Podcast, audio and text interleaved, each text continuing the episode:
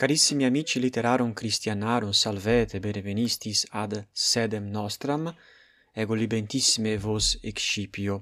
Et odie iterum tractaturi sumus epitomen historiae sacre, legemus et ennodabimus.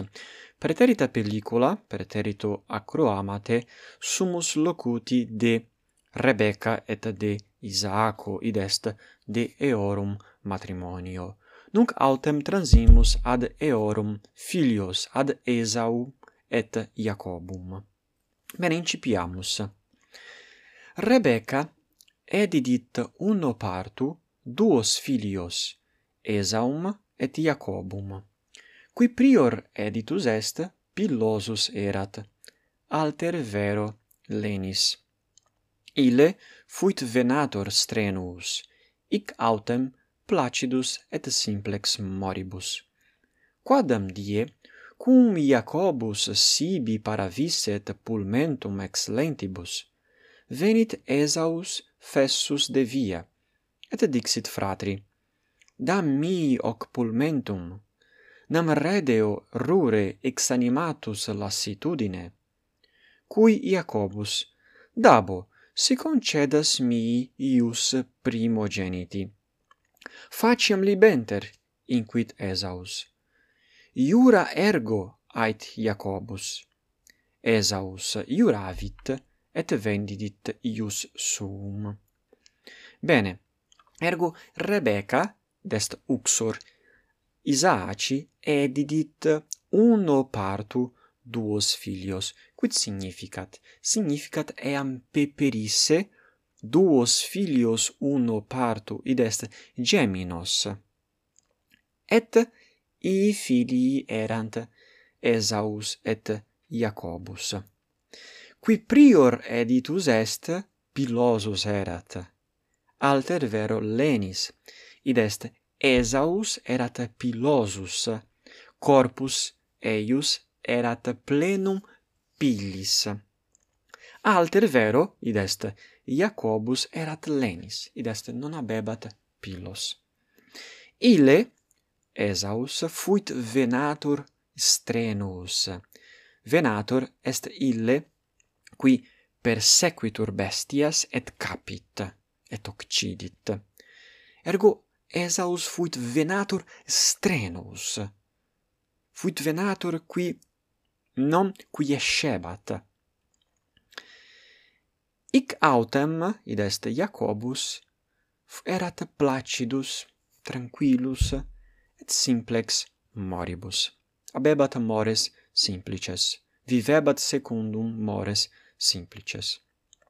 Quadam die, cum Jacobus sibi paravisset pulmentum ex lentibus, venit Esaus fessus de via. Ergo, Jacobus preparavit sibi pulmentum. Quid est pulmentum? Nunc potestis videre imaginem pulmenti, et ile preparavit paravit sibi pulmentum ex lentibus. Lens lentis est genus leguminis. Et nunc etiam vobis ostendo imaginem lentis. Et venit Esaus fessus de via. Id est ita ambulavit ut fessus fieret. Ergo, venit Esaus, regressus est domum, fessus devia. Et dixit fratri, da mi hoc pulmentum.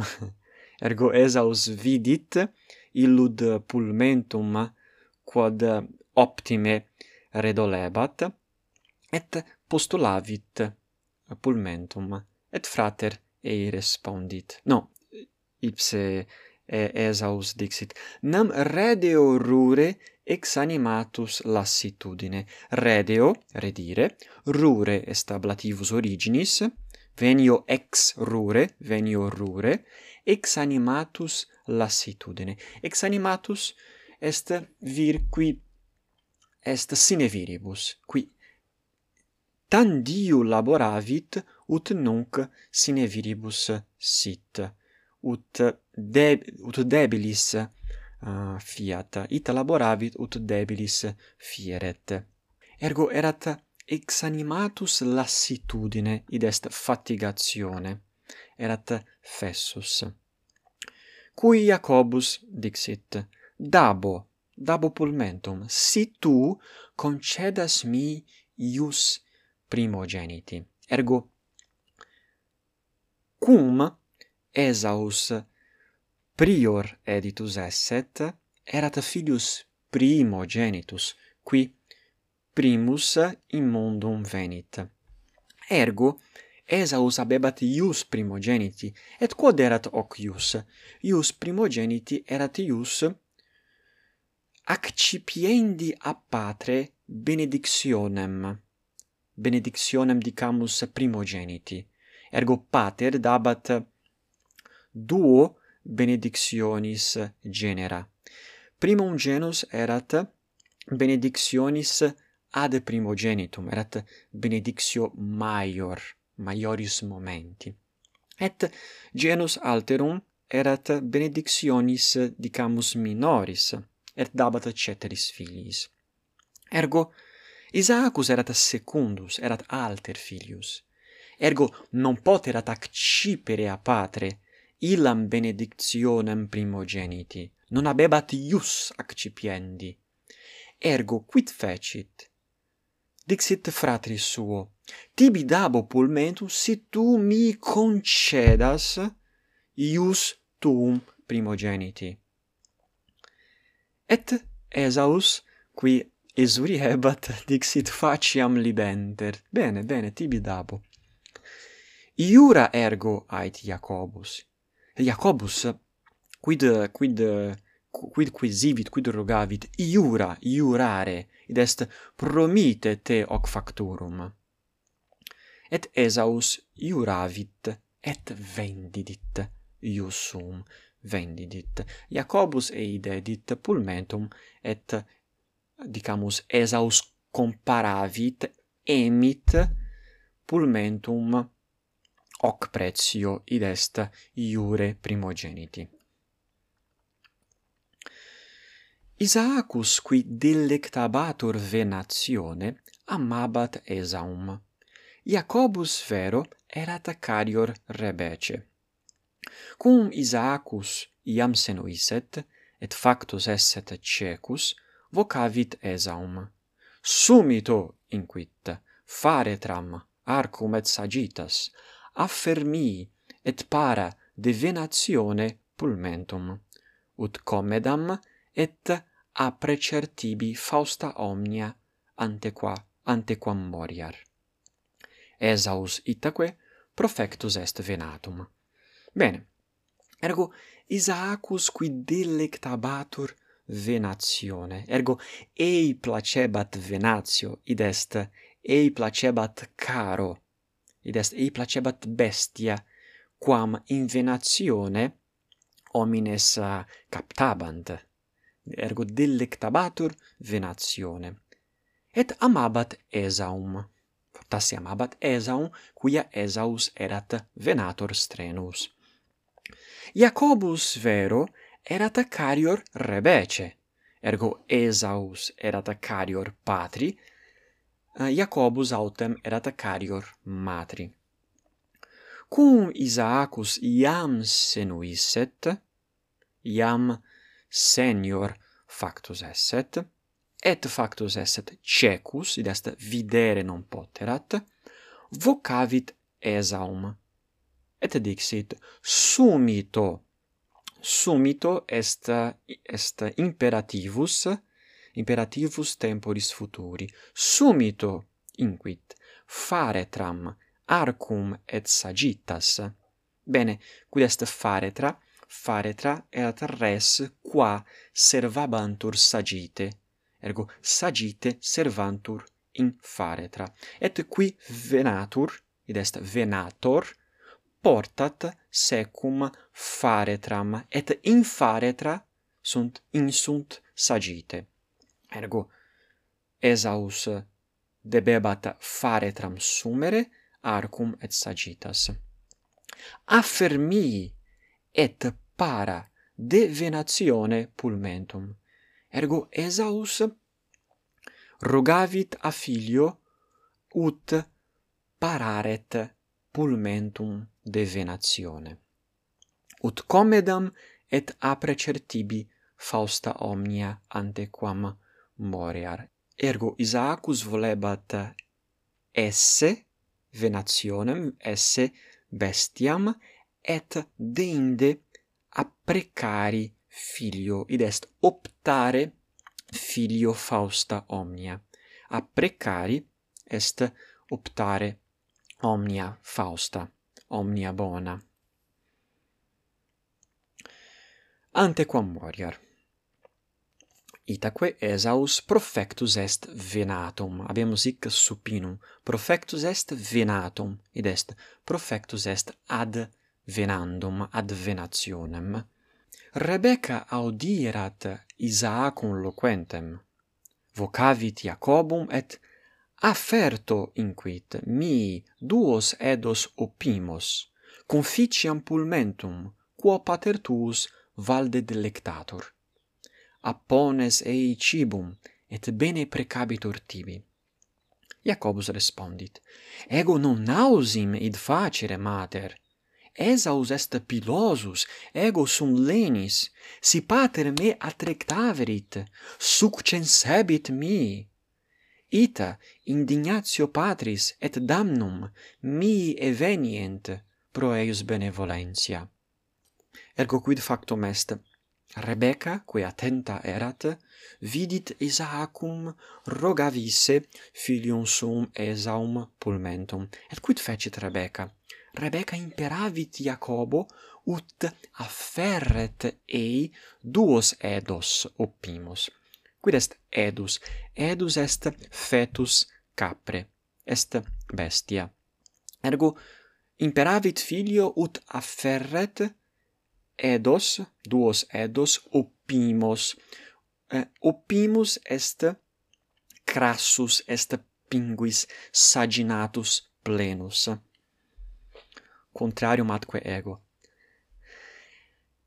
Mi duos edos opimos afferto. Afferto est eh, imperativus temporis futuri.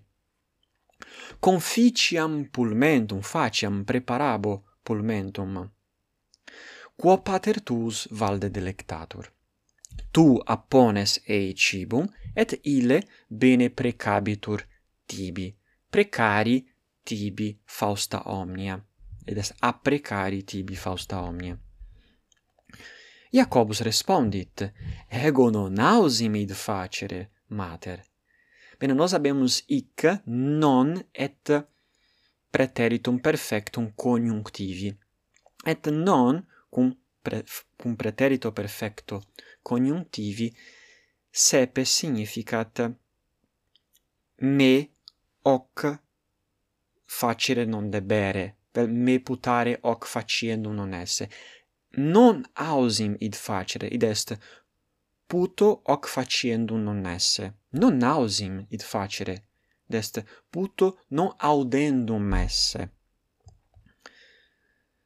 Esaus est pilosus, ego sum lenis, si pater me atrectaverit, atrectare est manibus tangere, tractare, succensebit mi. Verbum est succensere, et significat indignari, irasci, et conjungitur condativus sicut verbum irasci. Succensebit mi ita indignatio patris et danum mi evenient pro eius benevolentia bias in locum eius benevolentiae evenient mi indignatio patris et damnum. Rebecca institut ne timias inquit fili mi si quid adversi inde sequatur id totum summum mi. Tu vero ne dubites facere quod iussus es. Itaque Jacobus abit et atulit matri duos edos. Illa paravit seni cibumque noverat suave messe palato eius. Deinde induit Jacobum vestibus fratris, aptavit pellem edi manibus eius et collo. Tum adi inquit patrem tum, et offer illi escam quam appetit. Ergo quid factum est, Rebecca institit, instare, institisse, significat insistere. Institit, ne timeas, fili mi. Si quid adversi, quid adversi est, adversi est genitivus partitivus, si quid adversi, si aliquod adversum, inde sequatur ex hoc sequatur, id totum sumo mi. Ergo, noli curare tu vero ne dubites facere quod iussus es. Ergo ne dubites facere. Quod ego iubeo te facere. Itaque Iacobus avit et atulit matri duos edos. Mater paravit cibum seni dest Isaaco cibum quem noverat suavem esse palato eius. Id est mater prepara, eh, uxor pre, preparavit marito suo, ilum cibum quem illa noverat esse suave palato eius. Palatum quid est? Palatum est pars interior et superior oris. Ergo est illa pars interior oris et superior qua gustum percipimus ergo mater, ergo uxor, preparavit marito cibum quod e cibum qui erat suavis palato eius. Id est preparavit cibum qui placebat marito. Quid deinde? Deinde induit Iacobum vestibus fratris. Sumpsit vestes et induit Iacobum. Aptavit pellem edi manibus, id est sumpsit pellem edi et aptavit, apposuit manibus eius et collo. Tum dixit adi i patrem tum ad patrem tum adi patrem tum et offer illi escam quam appetit et offer escam id est cibum pulmentum quam uh, quam appetit sed nunc satis. Faciamus pausam et in proxima in, in sequenti pellicula in insequenti acroamate de exitu uius fabule loquemur id est utrum pater aignoverit filium illum non esse esaum sed Jacobum sed hoc videbimus in sequenti pellicula gratias plurimas vobis omnibus ago et in proximum valete.